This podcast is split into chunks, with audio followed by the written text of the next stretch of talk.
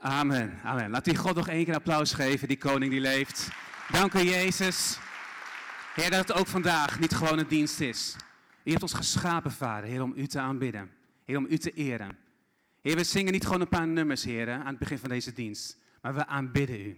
Heer, u geeft ons zoveel reden om u te aanbidden, u te eren in ons leven. Weet je, en soms zelfs midden in de storm. Het kan heel goed zijn, en ik weet dat hier mensen zitten die misschien op dit moment door een moeilijke tijd gaan. Maar juist een aanbidding, soms met tranen op ons gezicht, is een aanbidding zo dicht bij, Gods hart. Dat is waar de Vader ons voor geschapen heeft. Door stormen, door dalen. Maar de King is alive. Amen. Die koning leeft. Amen. Goedemorgen, wat zijn jullie een gezellige kerk?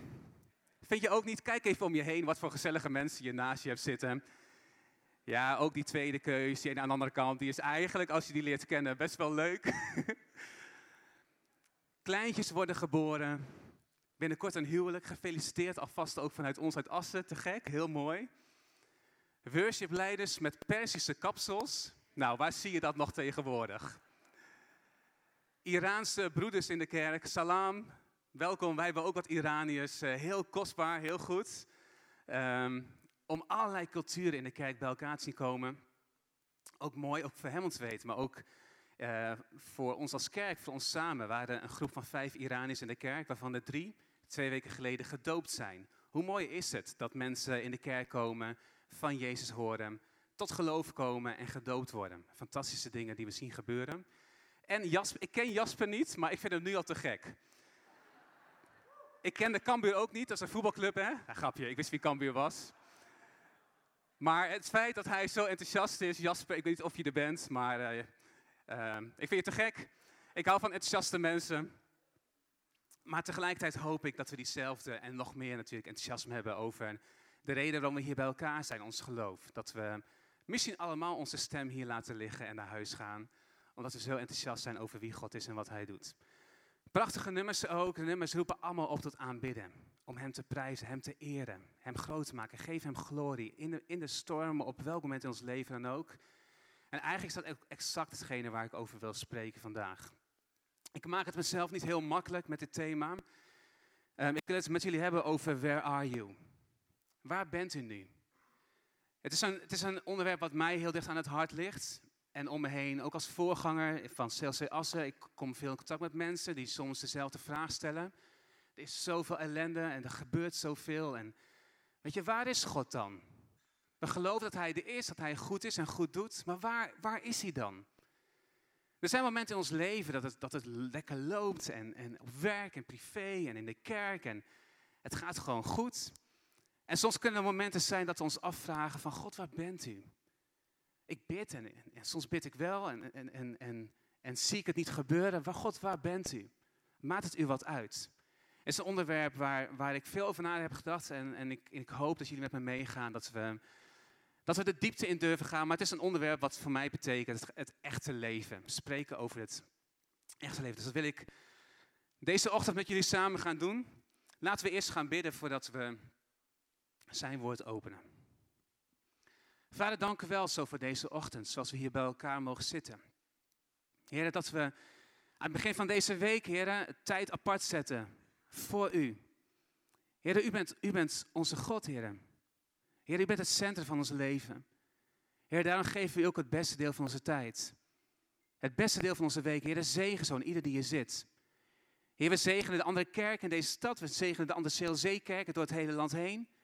We zegenen ons stadsbestuur, onze regering met wijsheid, ook in die verkiezingen die aankomen. Heer, we zegenen onze voorgangers, we zegenen onze leiders. En ook het woord wat we openen. Heer, dat we met open harten mogen luisteren. En dat u tot ons zal spreken. Ook door uw woord heen. Uw woord, Heer, wat, al, wat zo lang geleden geschreven is, maar nog zo actueel is ook voor ons vandaag. Spreek tot ons, Vader, in Jezus' naam. Amen. Goed, waar bent u nu? Het werd net al gezegd, we vorige week hadden we een enorm feestje van City Life Church Assem. Want wij bestonden precies zeven jaar. Zeven jaar geleden kwamen we voor het eerst met een klein groepje mensen bij elkaar. Met het verlangen, hey, laten we iets nieuws starten, een nieuwe kerk. En uh, net uh, had ik het nog met iemand over van het worship team. Trouwens, prachtige worship, complimenten voor jullie band. Heerlijk hoe zij ons leiden in aanbidding. Maar we spraken even over het ontstaan van een kerk. Wat eigenlijk begon in harten van mensen. We hadden niet zo heel veel ervaring. Maar we hadden passie voor Jezus, we hadden passie voor de kerk en passie voor mensen. En zo is eigenlijk een kerk begonnen. Met een groepje van zes mensen in de woonkamer. En daarom vinden wij City Life zo kostbaar, want we hadden niet zo heel veel. We hadden nog geen zaal, we hadden nog geen mensen, we hadden nog helemaal niks. Maar Erad van der Reden geloofde in onze roeping en hij heeft ons vanaf het begin ondersteund. En daar is een prachtige kerk uit voortgekomen met passie en een beetje ervaring en wijsheid van onze leiders weer. Maar dat we nu inmiddels zeven jaar mochten vieren, zeven jaar het getal van volheid van perfectie. Nou, dat zijn wij bij lange na niet, maar dat is wel de God die we dienen. Maar het is mooi om te vieren wat God aan het doen is. Maar ook als kerk snappen we, waar bent u nu? Dat we soms door moeilijke tijden heen gaan. En dat we soms in tijden zitten dat het allemaal heerlijk loopt. En niet alleen als kerk, maar ook privé. In ons eigen leven. Matthäus 1, vers 22. Eigenlijk, de antwoord zit al in de naam van Jezus. Als we hier kijken naar hoe hij wordt aangekondigd, vers 22 en 23. Dan staat er dit alles gebeurt opdat in vervulling zal gaan wat bij monden van de profeet door de Heer is gezegd. De maag zal zwanger zijn en een zoon baren. En men zal hem de naam Immanuel geven, wat in onze taal betekent God met ons. God met ons. Mooi toch? Prachtige bemoediging. Ook als we dit zo lezen, deze ochtend hier in Leeuwarden. Herinneren, oh ja, hij is gekomen. Met een doel, God met ons. Maar heel eerlijk, soms heb ik ook moeite met het thema. Soms heb ik moeite met het onderwerp. Want als hij echt met ons is, waar is hij dan? Is hij hier in de kerk? Als ik naar huis ga, gaat hij dan met mij mee op mijn werk of waar ik ook maar ben? Eind vorig jaar um, overleed een goede vriend van ons. En ze weten nog steeds niet waar hij precies aan is overleden.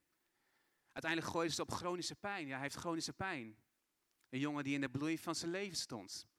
Getrouwd, jonge vrouw, weet je, jong gezin. En, en we, als kerk hebben we daar veel voor gebeden. We hebben een maand van gebed gehad en we geloofden erin. Uiteindelijk, eind 2018, overleed hij. Weet je, en wij, wij we geloofden in gebed en wij geloofden dat God kan. God, maar waar bent u dan? Tegelijkertijd ging er een stel die wij goed kennen in Brazilië. Mijn vrouw komt uit Brazilië, ik heb daar vijf jaar gewoond. Ze gingen uit elkaar, ook pijn. God, waar bent u? Een stel wat een kleintje verliest, dat zijn toch de echte onderwerpen in het leven waar we mee te maken hebben? God, waar bent u dan?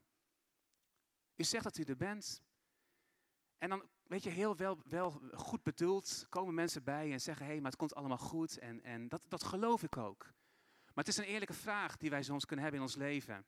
En ik hou ervan ook in Assen om te, om te praten met elkaar over de eerlijke vragen. Dus ik hoop dat je mij toestaat deze ochtend ook in Leeuwarden om dat met elkaar te doen. Is het goed? Ja, dat we het woord induiken. Want ik geloof, ik wil ons niet naar beneden praten deze ochtend. Ik geloof dat er heel veel hoop zit. Uh, in prachtige teksten in de Bijbel. Want toen ik hier naar keek, weet je, eh, snap ik dat ons leven, maar ook kerk zijn. Uh, jullie bestaan al wat langer dan zeven jaar. Gaat niet van bergtop naar bergtop, maar er zitten dalen tussen die bergtoppen in. En ook al gun ik jou heel veel bergtoppen, ook huwelijken en, en contact met kinderen en kerken, ik gun je allemaal bergtoppen. Maar hoe is onze houding door al die fases heen? Maar ik kwam toen ik, toen ik hierin, hierin, um, hierna ging kijken, kwam ik een persoon tegen die eigenlijk die vragen herkende. Een persoon in de Bijbel die 600 jaar voor Christus leefde. Een profeet. Een man die een redder, een Messias verwachtte. De Immanuel, de God met ons, hij verwachtte hem ook. Hij hoopte zo op een Messias, op een redder. Het is een man met een beetje een bijzondere naam. Deze profeet heet Habakkuk. Heb je eens van Habakkuk gehoord? Zeg even tegen iemand naast je, Habakkuk. Dat is geen, is geen raar woord. Zo heet die meneer. Habakkuk. Maar Habakkuk was geen gewone profeet. Een profeet is iemand die woorden van God ontvangt en dat deelt met de mensen. Dat deelt met de mensen om hem heen. Ik ontvang woorden, God spreekt tot de profeet in die tijd en hij deelde het met het volk. Maar Habakkuk was geen gewone profeet. Het ging bij hem net andersom eigenlijk. Hij, hij, hij zag, hij hoorde de, de woorden van het volk en die woorden deelde hij met God. En hij, hij, hij hoorde wat het, wat het, waar het volk doorheen ging, de moeite en de pijn. En hij zag zijn eigen pijn en hij deelde dat met God. En dat ging eigenlijk keihard. Heel open en heel eerlijk. Het, het, het onbegrip de situatie waar het volk in zat, de pijn waar het volk in zat. Weet je, heel open deelde hij die pijn met God en hij schreeuwde het uit en hij riep het soms uit. Hij, er waren momenten dat hij helemaal los ging tegen God. God, waar bent u? Je ziet dat gelijk. Het zijn maar drie korte hoofdstukken. In Habakkuk 1, vers 2, een van de eerste versen. Daar staat Habakkuk zei, Heer, hoe lang moet ik nog om hulp roepen? U luistert niet. Er is zoveel geweld. Ik schreeuw het uit. U helpt niet. Dit is eigenlijk exact dezelfde vraag die zoveel mensen ook vandaag hebben. Deze vraag van Habakkuk is eigenlijk een hele eerlijke, open vraag. Het is een vraag die misschien mensen hebben die hier zitten. Ja, ik zit hier, ik kan bidden, maar waarom reageert hij niet op mijn gebed? Waarom is er zoveel pijn? Waarom wordt mijn zoon niet beter? Waarom moet ik mijn baan verliezen? Waarom heb ik geen contact meer met mijn kinderen? Waarom voorziet hij niet in wat ik nodig heb? Zoveel ellende. Waar bent u? Maar wat ik waardeer in Habakkuk. Wat ik waardeer in hem is dat hij heel open, heel puur, heel eerlijk is in wat hij voelt. En dat is gelijk een van de eerste dingen als ik het boek lees, wat ik eruit haal, wat mij raakt. Hij is heel open, heel eerlijk, ook naar God toe, in wat hij voelt. Niet schijnheilig, maar heel eerlijk. Maar wat mij enorm raakte, was toen ik, toen ik ontdekte wat de naam Habakkuk betekent. En de betekenis van zijn naam is eigenlijk exact hoe ik op zo'n moment, ook waar je als voorganger soms doorheen gaat. Je, je voelt de pijn van mensen die in je kerk zitten. Je houdt van je mensen. En, en het doet je wat als mensen soms door moeilijke tijden heen gaan. Maar toen ik de betekenis zag van de naam Habakkuk, weet je, toen zag ik, toen, dat, is gewoon, dat is, dat is hoe ik leef. Dat is, dat is wat, hoe ik me voel. De naam Habakkuk betekent to embrace en to wrestle. Het betekent omarmen. Ja, je omarmt dat God goed is. God is goed en hij doet goed. Je omarmt dat hij almachtig is. Hij is de koning. Hij is de koning die leeft, dat we net zongen. En tegelijkertijd is het af en toe worstelen. Maar God, Heer, waarom gebeurt dit niet? Ik bid het, ik roep het uit en ik heb het gevoel alsof u nu luistert. Het is worstelen. En tegelijkertijd is het weer omarmen. Maar ook al grijpt u, ook al heb ik het gevoel dat u niet luistert, toch weet ik dat u, dat u luistert. Dat het staat in uw woord dat u luistert. En u bent naar de aarde gekomen, u stierf van, u stond op uit de dood. U bent bij mij. Dat is weer het omarmen. En tegelijkertijd weer het worstelen. Maar ik snap het niet, God. Ik begrijp het niet. Wanneer, hoe lang moet ik nog wachten? Het is omarmen en worstelen. Omarmen en worstelen. Waar bent u, God? Habakkuk deed dus alles wat hij kon om te, om, om te omarmen, omdat hij weet dat God goed is.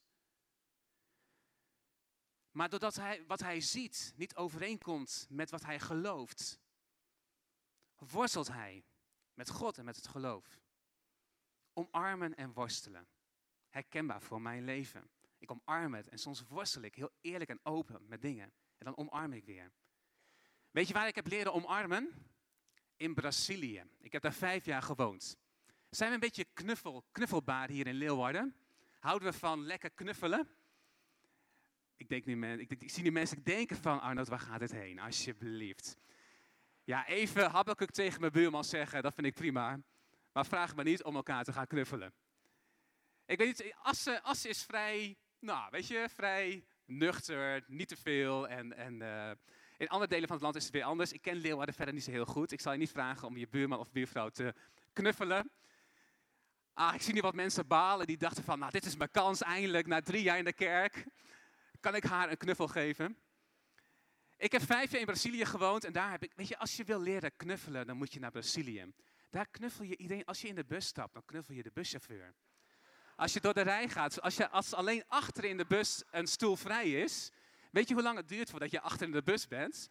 Je kent niemand, maar het is, hey, hallo, abrasso hier en knuffel daar. Ik overdrijf een beetje natuurlijk. Je moet niet altijd alles geloven wat ik zeg, zeg ik in, in Assen. Sommige dingen wel, andere dingen niet. Maar mensen, als je elkaar tegenkomt, dan, dan groet je elkaar met een knuffel. Zo gaat het. Het is een hele open, warme cultuur. En uh, ik weet nog dat ik na vijf jaar dat ik daar heb gewoond en ik, uh, en ik werkte bij Nico en Treini van Eyck. Ik weet dat sommigen van jullie hen hier kennen, een zendingsechtpaar in Brazilië. Ik was jeugdleider bij hun in de kerk. En ik ben weer uitgezonden door Nico en Treini van Eyck naar Nederland om hier een kerk te gaan starten. Dus eigenlijk ben ik een uitgezonden zendeling in mijn eigen stad. Dat vind ik voor mezelf altijd heel kostbaar. Ik ben geboren en opgegroeid in Assen. En nu ben ik zendeling in mijn eigen stad. Maar ik kwam dus net terug in Nederland en ik kwam in de bouwmarkt. En dat is sowieso al een wonder. En mensen maken zich vaak zorgen als ik in een bouwmarkt kom. Want heel vaak komt er niet iets heel positiefs uit naar voren. Want ik ben niet zo heel handig met die dingen. Maar in de bouwmarkt kwam ik iemand tegen die ik vaag kende. Maar omdat ik vijf jaar in Brazilië had gewoond, ja, weet je, dan zit dat er zo in. Dat is gewoon, weet je, je komt iemand tegen en je, je knuffelt elkaar. En in Nederland gaat het anders. Hoe groet jij iemand die je een beetje vaag kent als je iemand tegenkomt? Nou, je zegt even hoi, misschien even een hand omhoog. hey, hoi. Mooi. Toch? Mooi? Zeggen jullie mooi hier? Of nee? Mooi. Oké, maar, maar je geeft zelfs geen hand, toch? In Leeuwarden. Het is gewoon even groeten. Nou, wat gebeurde er? Ik zag die persoon staan in de, in de bouwmarkt en ik ken hem vaag van jaren geleden. En ik, hey, hallo. Dus ik liep naar hem toe en ik gaf hem zo een knuffel. En misschien ken je dat gevoel dat je iemand een knuffel geeft die gewoon zo rechtop blijft staan. Ken je dat gevoel dat je dan een beetje zoiets hebt van, ah, dit is heel awkward. ja, hey, goed jou ook te zien. En ik denk dat hij dacht van, nou, ik hoop die gast nooit meer tegen te komen in een bouwmarkt. Ik weet niet wat een bouwmarkt losmaakt bij hem.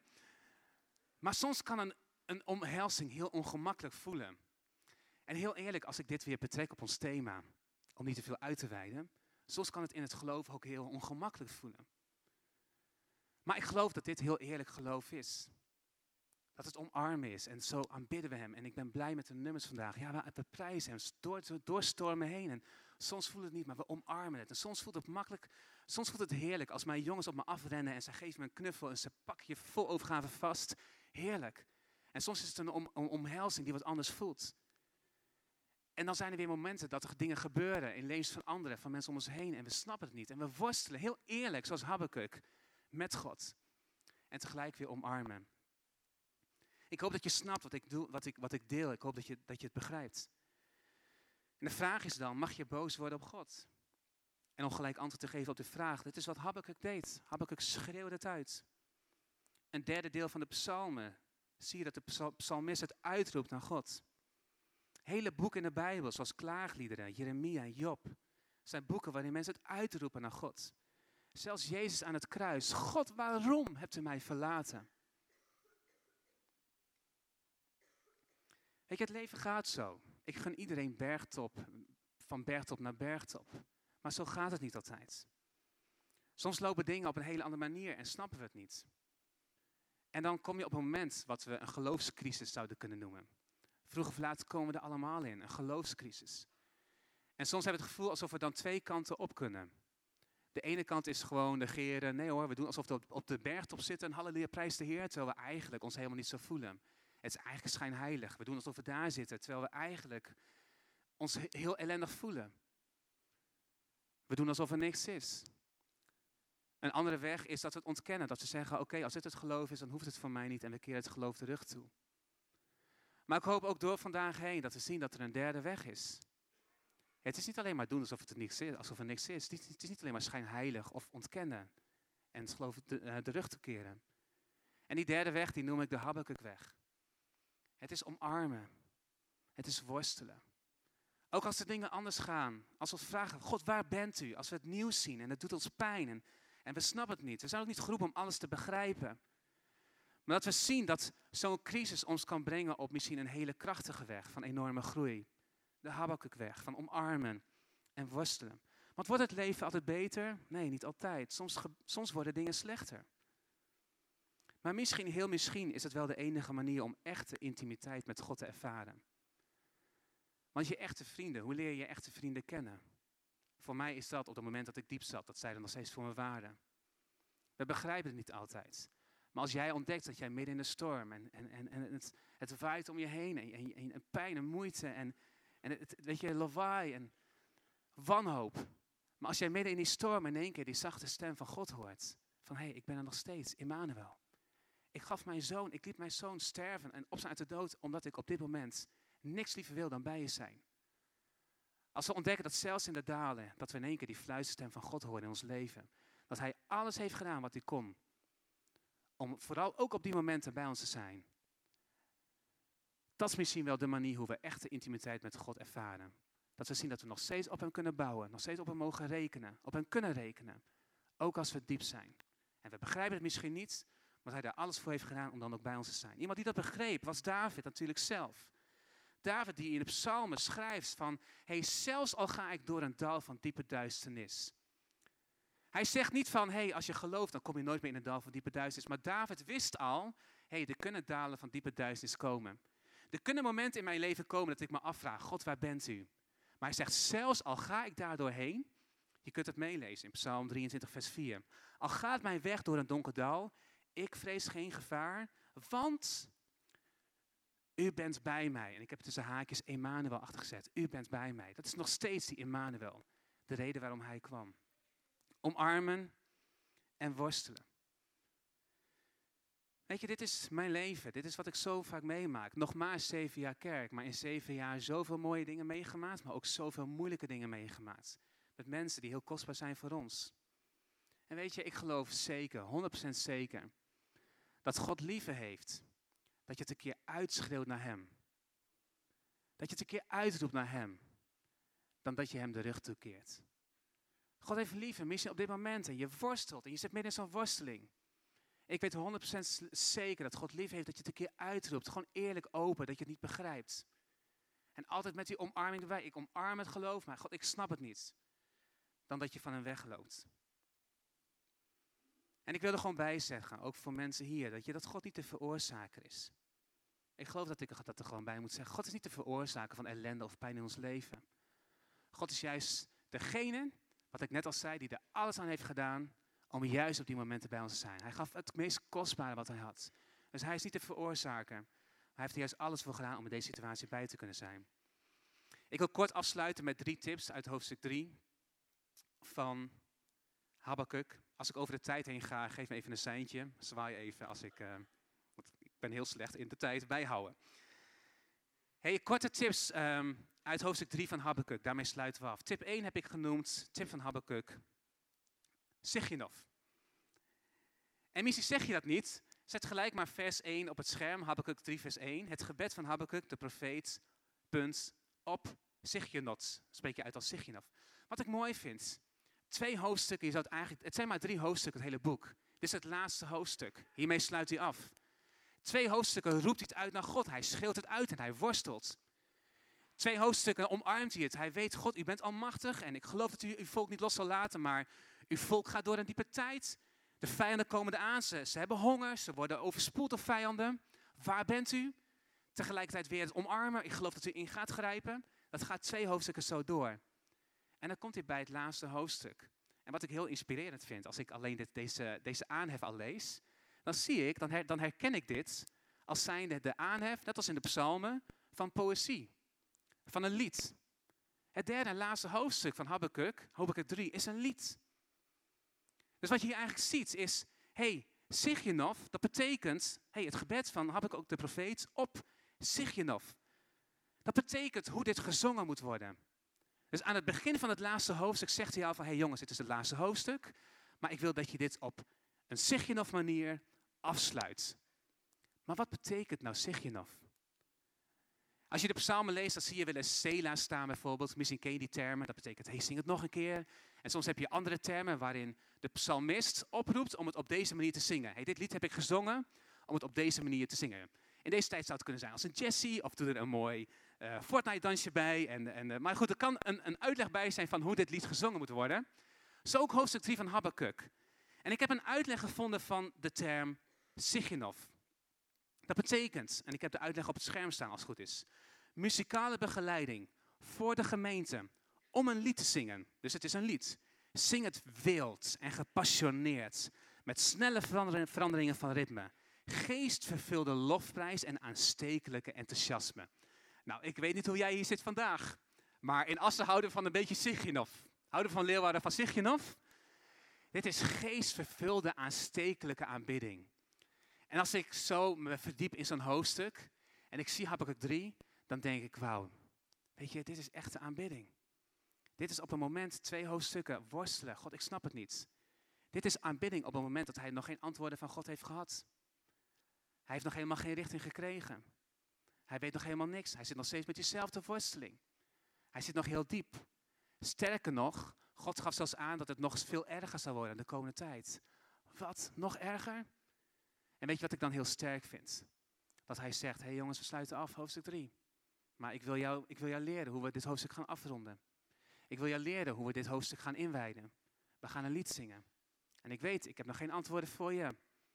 Maar ik wil dat je dit zingt. Aanstekelijk. Geestvervuld. Geestvervulde aanbidding. Dat ook al hebben we nog geen antwoorden. Maar we gaan onze God aanbidden. Eigenlijk, de nummers die we net zongen, sloten daar enorm op aan. Dwars door de stormen heen. Siginof. Ik denk als Habakkuk hier zou zijn, zou hij zeggen, hey, lofprijs en aanbidding met uitroeptekens. Ik hou van uitroeptekens. Als ik mijn Bijbel lees en ik zie een tekst die mij enorm raakt, dan zet ik er een uitroepteken voor. Het kan van één uitroepteken tot vijf uitroeptekens gaan. Hoe meer uitroeptekens, nou ja, hoe meer een tekst mij raadt op een bepaald moment in mijn leven. Maar ik hou nog meer van een kerk die, die, die worship, die aanbidt met uitroeptekens. Amen? Laten we God aanbidden. Tip 1 zal zijn, hey, ondanks alles, ook heb je nog geen antwoorden. Ook al zitten we midden in de worsteling, heb ik ook zou zeggen, aanbid je God met uitroeptekens. En we gaan straks nog een worship nummer zingen. Dus we gaan goed opletten. En de band gaat jullie voor in Siginof Worship. Maar ik hoop dat we zien wat hier gebeurt, wat Habakkuk doet. Habakkuk roept het volk op om helemaal los te gaan in aanstekelijke aanbidding. Zelfs nog voordat hij heeft gekregen waar hij om vroeg. Zelfs nog voordat hij ook maar een antwoord heeft gekregen van God. Zelfs al begrijpt hij heel veel niet van God. Siginof. Ik denk dat soms de meest ingrijpende worship, aanbidding in ons leven, de aanbidding is voordat God ingrijpt. Soms aanbidding met tranen op ons gezicht. Aanbidding voordat wij antwoord op gebed hebben gehad. Eigenlijk is dat een aanbidding niet om wat God doet, maar het is aanbidding om wie God is. Het is God aanbidden of hij mijn gebed nou wel of niet verhoort. Ja, ik wil het heel graag en ik, en ik geloof dat hij het kan, maar ik zal mijn God blijven aanbidden. Zelfs al verhoort hij mijn gebed niet en ik snap het niet en ik worstel, maar ik zal mijn God blijven aanbidden. En ik hoop en ik bid dat dat de kerken zijn die we ook als City Life door heel Nederland bouwen. Gevuld met mensen die God niet aanbidden om wat hij doet, maar om wie hij is. Hij is goed, hij is liefdevol, hij is de Almachtige, hij is er altijd, hij zal er altijd zijn. Hij is het begin en hij is het eind. Hij is de grote ik ben. En eigenlijk datgene wat hij 2000 jaar geleden aan het kruis heeft gedaan, eigenlijk is dat voor mij genoeg. Christ is enough. Ook al verhoort hij geen enkel gebed meer. Weet je, en ik hoop en ik bid dat hij gebeden verhoort, maar ook al verhoort hij geen enkel gebed. Wat hij 2000 jaar geleden heeft gedaan voor mij, Christ is genoeg. genoeg. Weet je, en daarvoor zal ik hem altijd blijven aanbidden. Siginof. Tweede tip is, remember. In hoofdstuk 3 gaat hij gelijk verder. Heer, ik heb over u gehoord. Diepe ontzag voel ik voor uw werk. Heer, wat u in het verleden deed, doe dat nu ook voor ons. Toon ook nu uw grote macht. Heb medelijden met ons. Wat hij eigenlijk doet, tip 2, is hij denkt terug aan wat God in het verleden heeft gedaan. Eén is Siginof aanbidding, worship. Ik zal mijn God blijven aanbidden. Zelfs in mijn worsteling. En het tweede, hey, ik denk terug aan wat hij heeft gedaan. Vers 3 zie je dat ook heel mooi. In het Engels staat daar, God came from Teman. En the Holy One from Mount Paran. Weet je, die namen zeggen ons misschien niet zo heel veel. Maar voor hem zeggen die namen heel veel. Het waren de plekken waar hij zijn voorouders, zijn volk, vanuit slavernij naartoe heeft, heeft gebracht. In veiligheid heeft gebracht. Teman en Paran. Wat hij eigenlijk deed, hij dwong zichzelf om te herinneren wat God toen voor hen heeft gedaan.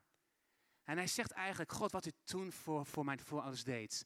Heer, ik geloof dat u het kan. Wilt u dat opnieuw doen? Er zijn momenten dat we worstelen. Dat je jezelf mag uitdagen om terug te denken wat hij al heeft gedaan. Hé hey God, u heeft dat voor mij gedaan. En we moeten die getuigenissen altijd levend houden in ons leven. ik zou zeggen, remember. Tip 2, denk aan wat hij heeft gedaan. Hij dacht aan Theman en Padan. Hij herinnert zichzelf. En hij aanbidt die trouw is. Als we in het dal zitten, zullen we moeten leren om te herinneren wat God al heeft gedaan. En de derde, daarmee sluit ik af, is nogmaals embrace. Niet alleen omarmen, God die goed is. Hij is goed, hij blijft goed. Hij is altijd goed. Maar soms ook de situatie, hoe moeilijk die ook is, waar we in zitten. Dit is de situatie. Soms moeten we dat omarmen. En ik sluit af met de bekende tekst in Habakkuk 3. Misschien ken je dat, vers 16 tot 19. Toen de Heer mij dit onthulde, begonnen mijn lippen te trillen. Want de Heer liet eigenlijk zien dat het nog veel erger zou worden. Ik beefde van binnen. Mijn botten doen nog pijn. Nog wankel ik op mijn benen. Toch wacht ik rustig de tijd af dat de Heer komt. Oprukt tegen onze onderdrukkers. Zie je dat hij nog steeds hoop blijft houden? Ondanks alles blijft hij omarmen. Ik wacht de tijd af tot de Heer komt. Oprukt tegen onze eh, onderdrukkers. En die bekende tekst, die ken je die ook al bloeit de vijgenboom niet. In de andere vertaling staat, als zal de vijgenboom niet bloeien. En zal er geen druif meer op de wijnstok zijn. Al wordt er geen olijf geplukt. En geven de akkers geen voedsel meer. Met andere woorden, als ik dit vertaal, de tekst mag blijven staan hoor. Als ik dit vertaal naar onze woorden. Weet je, zelfs al bid ik, ik wacht. En ik zie God niet. Ook al geeft hij mij die baan niet die ik echt nodig heb. Ook al bid ik en mijn kind wil niet beter. Wat het bedoeld? Dan zegt hij dit, is als zal er geen schaap meer in de kooi staan. Geen koe meer in de stal. Toch zal ik juichen voor de Heer. Jubelen voor de God die mij redt. Hij maakt mij sterk. Hij maakt me snel als een hert. Met hem beklim ik iedere berg. Dit is geen gebed of lied van Habakkuk van, ach, weet je, je kan verder niks. Zing maar iets leuks. Dit is Siginof. Met alles wat er in me zit. Met enthousiasme. Geestvervulde aanstekelijke aanbidding. Zal ik mijn God aanbidden. Niet pas aan het eind, maar aan het begin. Soms met een glimlach. Soms met tranen op mijn gezicht. Weet je wat doet Habakkuk? Zijn les voor ons vandaag. Waar bent u God? Habakkuk laat zien. Weet je, hij worstelt en hij omarmt. Dit is hardcore stuff, geloof ik mensen. Dit is geloof in het echte leven. En ik weet dat dit niet makkelijk is. Afgelopen week, 14 maart, is het zoveel jaar geleden dat mijn jongste broertje overleed.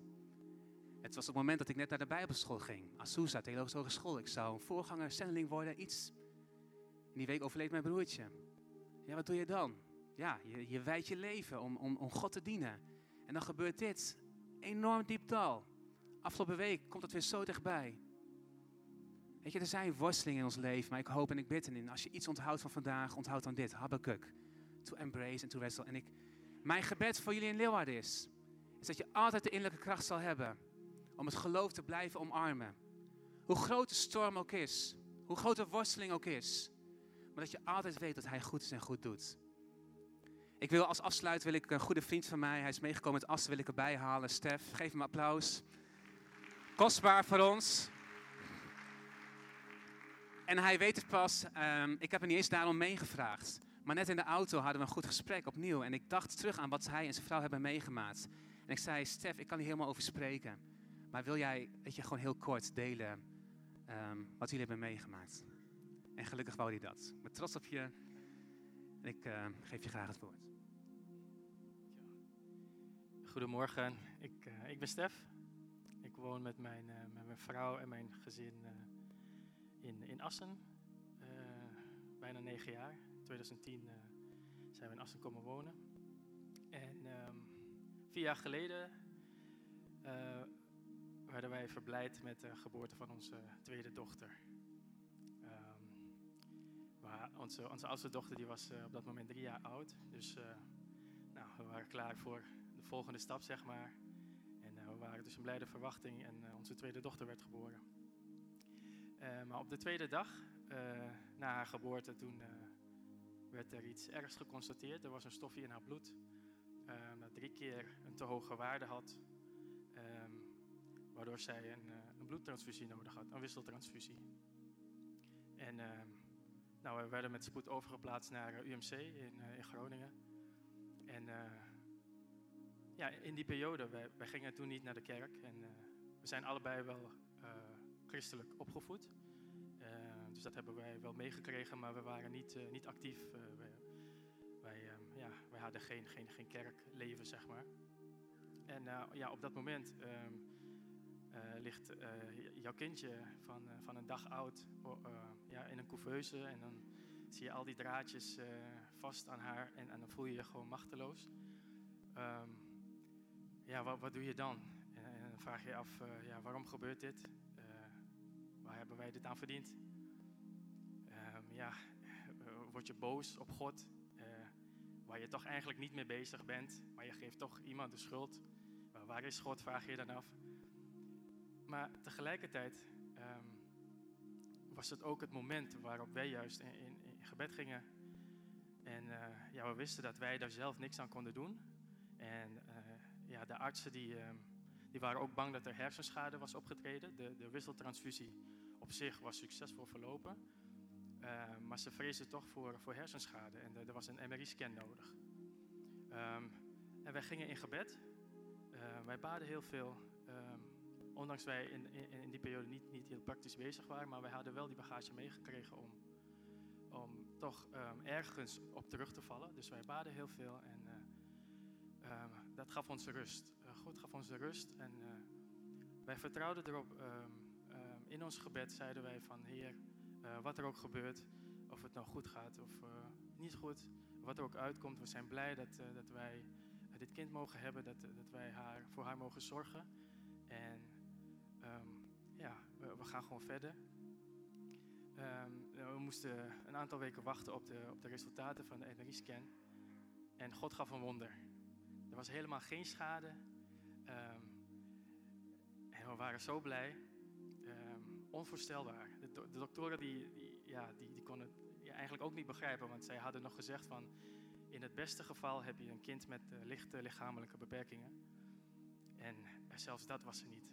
God, wij geloofden echt dat God het wonder had gegeven. En zo dankbaar als wij waren, um, zijn wij op zoek gegaan naar, uh, naar een kerk. Um, en wij kwamen op internet kwamen wij City Life Church tegen in Assen. Daar zijn wij in 2015 binnengestapt met onze dochter van anderhalve maand oud. En ja, we zijn, ze, ze, wordt straks vier jaar oud. En we zijn zo dankbaar dat het, dat het zo is gelopen. En we zijn blij dat wij nu ook mogen meebouwen aan, aan, aan, de CLC um, ja, kerken binnen Nederland. En ik voel me ook gewoon familie hier. als familie voelt het, het voelt als thuiskomen hier in, in Leeuwarden ook. En um, ja, we zijn, we zijn gewoon super dankbaar dat, dat wij dit mogen meemaken. En ik ben, ik ben dankbaar dat ik dit met u mag delen. En ja, God is goed. Amen.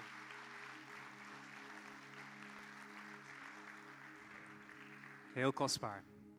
Laat onze ogen sluiten, laten we bidden. Het is zo mooi om zo'n getuigenis te horen van eigenlijk heel diep gaan en het worstelen en toch het vasthouden. En nu een springlevend dochtertje rond te zien huppelen. Ik wil je vragen, weet je, laten we een moment stil zijn. En God spreekt ook en misschien spreekt hij tot je hart. En we hebben altijd een moment ook in Assen van reageren. En ik vraag je straks, als jij dat bent, om kort je hand omhoog te doen. Maar het kan zijn, weet je, het zijn niet mijn woorden, we openen Gods woord. Dat, je, dat God door zijn geest tot jou spreekt. Het kan zijn dat jij die worsteling meemaakt en dat je misschien neigt om het, om het te zeggen van laat dan maar. Of, of weet je, ik snap het niet. Maar ik wil gewoon vragen als jij hier bent. En je hebt het gevoel alsof je opnieuw of misschien voor het eerst een keuze moet maken om het geloof echt te omarmen om een kort je hand omhoog te doen, zodat ik weet dat ik voor je kan bidden. Er zijn hier mensen die zeggen, hé, hey, weet je, ik, los van mijn situatie, ik weet dat Hij de eerste en de altijd zal zijn. En ik wil opnieuw, of misschien wel voor het eerst, een keuze voor Jezus maken. Ik heb het gevoel alsof ik dat misschien opnieuw moet doen. Een stap moet zetten. Of voor het eerst. Dat ik mijn geloof omarm. Omdat ik weet dat Hij goed is en goed doet. Terwijl we in gebed blijven, onze hoofden buigen. Zijn die mensen, doe even snel je hand omhoog. Dan weet ik dat ik voor je mag bidden. Achterin, hier opzij. Zijn er nog meer? Hier in het midden. Ik zie misschien niet alle handen. Maar laten we, als je kan en wil, ga met mij staan. We gaan zo afronden. Maar laten we een moment gaan staan als we ook gaan bidden. En zo na het gebed is het moment om naar de etagères te gaan. Als je het gevoel hebt en juist de mensen die een keuze hebben gemaakt, zal ik willen uitdagen. Het moet niet. Ik verplicht je tot niks, maar er staan mensen aan de zijkant die graag voor je willen bidden. Misschien heel krachtig als je deze keuze maakt om, om avondmaal te nemen, om gebed te ontvangen of eens een kaarsje aan te steken, om je keuze extra te onderstrepen. Als een moment om je te remember, te herinneren wat Habakkuk zei. Ons leven zal niet altijd perfect zijn, misschien vanaf zo'n moment. En er zullen nog steeds dalen zijn, maar je bepaalt de koers. En dat is dat je door omarmen en door worstelen heen.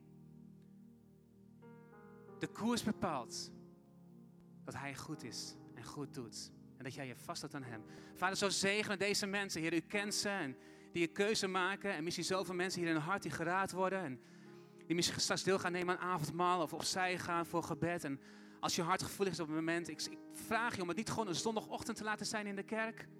Maar om gebed te ontvangen, want ik geloof dat God verder wil in je leven. Het is een enorme stap naar de geestelijke, een extra stap in volwassenheid. Om God niet alleen te dienen als het goed gaat, maar om God trouw te zijn op elk moment in ons leven. Sigenof worship. Worship met uitroeptekens, hoe we ons ook voelen. Vader, zo zegen elkaar, Vader. Zo zegen ik deze mensen in keuze maken. In Jezus' naam. Amen. Als jij dat bent, de muziek speelt door. Moment van reflectie, ga dan opzij, ontvang gebed. Steek een kaarsje aan of neem deel aan het avondmaal. Amen.